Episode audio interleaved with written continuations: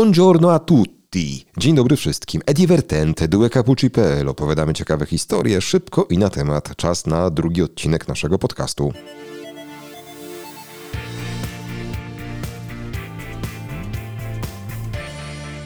A w tym odcinku opowiem Wam o Bazylice Świętego Piotra w Rzymie. Wiemy i znamy to miejsce wzniosłe i doniosłe. Jako, że każdy z nas, nie wyłączając także nas, dubecapucci.pl ma swoje mniej czy bardziej skryte tajemnice i sekrety, pełno ich także ma Bazylika Świętego Piotra w Rzymie.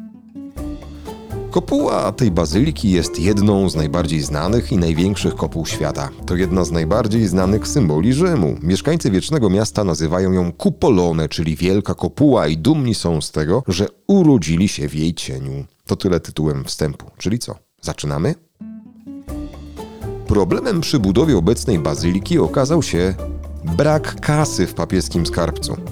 Panujący w tamtym czasie papież Juliusz II Właściwie to kardynał Giuliano della Rovere wpadł na genialny w swojej prostocie pomysł, a mianowicie w pewnym momencie uznał, że wie w jaki sposób wziąć pieniądze na budowę bazyliki. Zadecydował, że będzie sprzedawać odpusty. Zachęcał swoich wiernych wprost do przekazywania datków w zamian za uzyskanie odpustu zupełnego. Może nie byłoby w tym nic dziwnego, gdyż historia różne zna przypadki, gdyby nie fakt, że rok przed rozpoczęciem budowy bazyliki ten sam papież osobiście wydał bulle, papieski dokument zakazujący takiego postępowania. Pomysły Giuliano della Rovere na uzyskiwanie przysporzeń okazały się w pełni trafione. No, takie są fakty, taka jest historia. Papież ten pozostawił po sobie watykański skarbiec pełen pieniędzy i obfitości, choć w czasie, gdy obejmował tron biskupa Rzymu, skarbiec ten świecił pustkami z przymrużeniem oka, no ale można powiedzieć, że XVI-wieczni budowniczy byli prekursorami ruchu Zero Waste. A jak powszechnie niemal wiadomo, Zero Waste to filozofia, to styl życia, zgodnie z którym człowiek stara się generować jak najmniej odpadów a tym samym nie wpływać w sposób negatywny na środowisko, w którym żyje. No ale zaraz, ale jaki to ma związek z budową bazyliki? No ano ma. Mianowicie nie wiem, czy wiecie, y, że materiały na budowę bazyliki pochodziły między innymi, tak na przykład, y, z Koloseum, y, czy też z rozbiórki starożytnych świątyń położonych na pięknym, choć starożytnym Forum Romanum. Budowle te bowiem uznawane były w tamtym czasie za śmietnik Rzymu.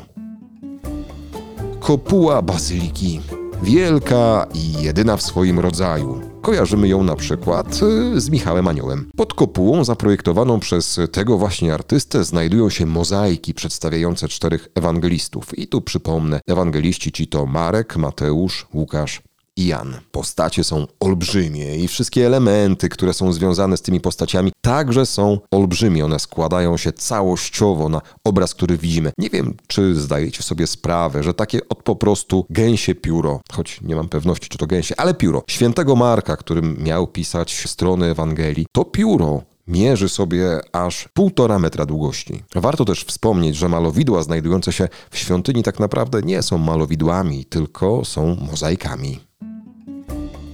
No dobra, wyobraźmy sobie, od frontu do bazyliki prowadzi pięcioro drzwi. Te położone najbardziej z prawej strony to Porta Santa, czyli tak zwane drzwi święte, które otwierane są jedynie w roku świętym bądź roku jubileuszowym. I tak ostatni taki rok miał miejsce w 2016, a poprzednio w 2000 roku. W czasach obecnych wygląda to mniej więcej tak, że aby otworzyć drzwi święte, papież puka, no może nie w taki sposób, ale bardziej konkretny, puka w te drzwi, następnie one otwierają się, zostają otwarte i są tak otwarte przez cały rok jubileuszowy.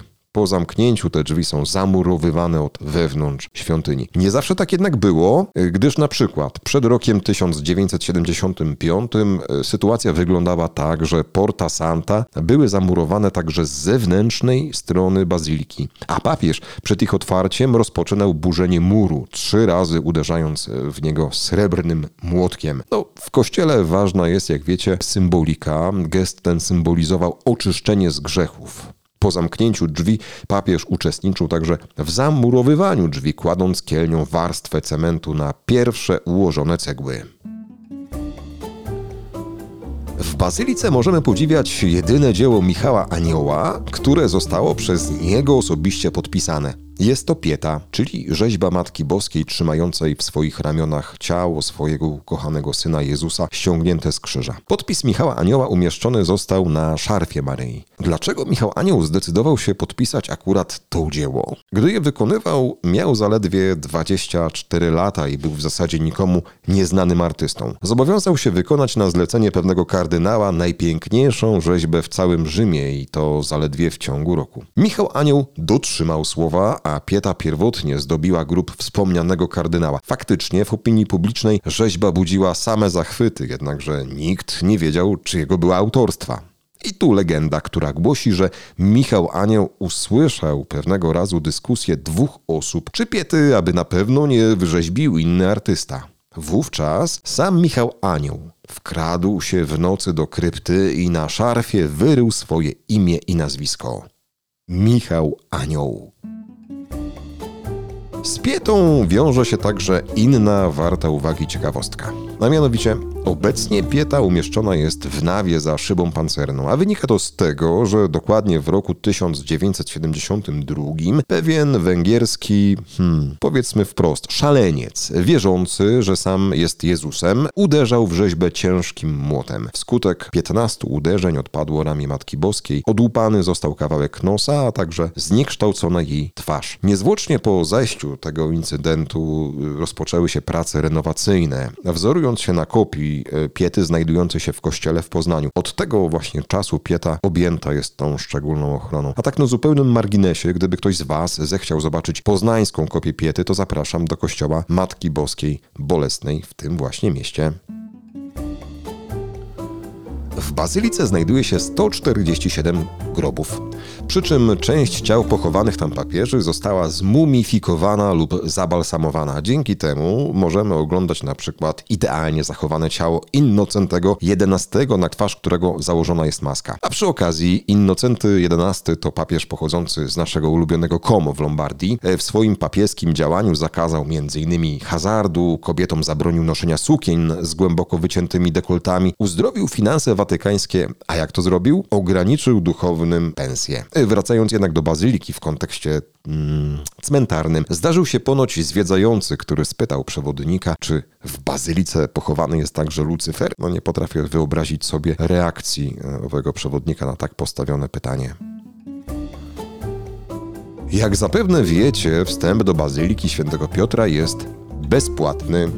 Natomiast y, jak to bywa w każdym kościele, obowiązują pewne ustalone wcześniej reguły, zasady, w szczególności dotyczące ubioru. I tak, nie można mieć y, przy wejściu do kościoła zbyt krótkich spodenek. No albo, y, panie, nie mogą mieć krótkich spódniczek, ani odkrytych ramion. Ten wymóg jest bardzo restrykcyjnie przestrzegany i w zasadzie każdy turysta bez wyjątku jest na tę okoliczność sprawdzany. Jeśli nie przejdzie weryfikacji, oczywiście konsekwentnie nie wejdzie do kościoła. I tu ciekawa historyjka. Raz miała miejsce taka sytuacja, gdzie turystka chciała wejść do świątyni w samym, wyobraźcie sobie, kostiumie kąpielowym. Przy wejściu została poproszona o ubranie się, zarzuciła w konsekwencji na siebie płaszcz. I tak się stało. Pani z płaszczem, już nie w kostiumie, weszła do środka świątyni. Po czym, niezwłocznie po wejściu do kościoła, zrzuciła ostentacyjnie płaszcz wprost przed przerażonym zakonnikiem. Na jej widok mnich krzyknął: Precz szatanie! Wróćmy jeszcze na sekundę do piety Michała Anioła. Jeden z przewodników oprowadzających wycieczki po bazylice udzielił wywiadu. Sądzę, poza wszystkim mogą być to naprawdę bardzo ciekawe, soczyste w treści opowieści. W jednym takim konkretnym przypadku ów przewodnik był bardzo zdumiony w sytuacji, gdy jeden z turystów zadał mu pytanie: "Mm, Przepraszam, y, czy to w ogóle możliwe, mm, że sam Jezus pozował do piety Michała Anioła? No cóż, bardzo retoryczne to, mm, pomimo tego, czy ktoś z Was spróbuje odpowiedzieć? Jak już wspomniałem, z kopuły Bazyliki Świętego Piotra roztacza się przepiękny widok. Można popatrzeć na cały plac Świętego Piotra, można też upajać się widokami wiecznego miasta. Niestety nic za darmo, no ale widoki są piękne. Jeśli chcecie, polecam nasz profil na Instagramie. Instagram Due Capucci, proszę poszukajcie. Wracając, turyści, aby zobaczyć piękno Rzymu widzianego z góry, muszą pokonać bagatela około 500 schodów i dodatkowo zapłacić za bilet wstępu. Sam bilet to jedno, niemniej moc wrażeń towarzyszy tym wszystkim, którzy piechotą, a piedi po schodach pną się do góry. Był ktoś? W pewnym momencie trasy, to jest moje doświadczenie, mamy tak, że jest tam tak wąsko, że faktycznie warto krytycznie podejść do tematu, odpowiadając sobie na pytanie jeszcze przed wejściem, ej, ale czy ja naprawdę tam się zmieszczę? No dobra, jest jeszcze winda oczywiście, ale ta także nie jest za darmo. Jednak y, czy macie świadomość, że niektórzy mogą podziwiać panoramę Rzymu z kopuły świętego Piotra każdego dnia i to za darmo? No właśnie. Na górze świątyni przy kopule znajdują się mieszkania robotnicze, Plac Świętego Piotra, Muzea Watykańskie.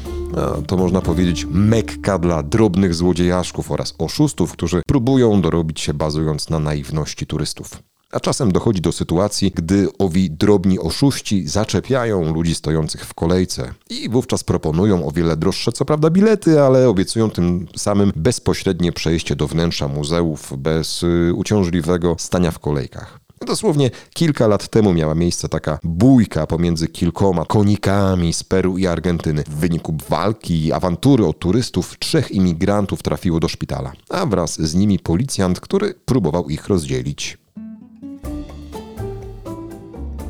Do bazyliki wchodzi też całe mnóstwo żartownisiów chowają się na przykład w konfesjonałach i robią tam różne śmieszne zdjęcia. W 2008 roku głośno było o przypadku, gdy straż wyciągała z konfesjonału turystę przebranego w sutannę, chcącego wyspowiadać chętnych wiernych. Tu w szczególności bardzo proszę wziąć sobie te informacje do serca i mieć oczy szeroko otwarte. Nie wiadomo, kto może siedzieć po drugiej stronie.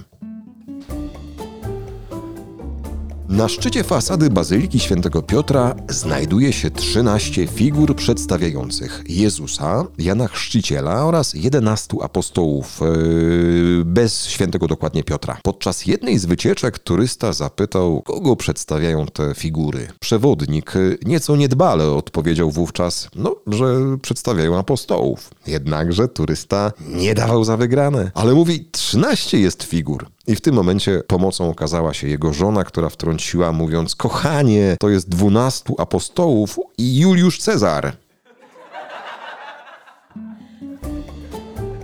E divertente, duecapucci.pl Opowiadamy ciekawe historie, szybko, ciekawiej na temat Sacrum e Profanum. Dziś gościliśmy w Rzymie, a w zasadzie w Watykanie, stojąc pod kopułą, przedstawialiśmy ciekawostki wprost z Bazyliki Świętego Piotra.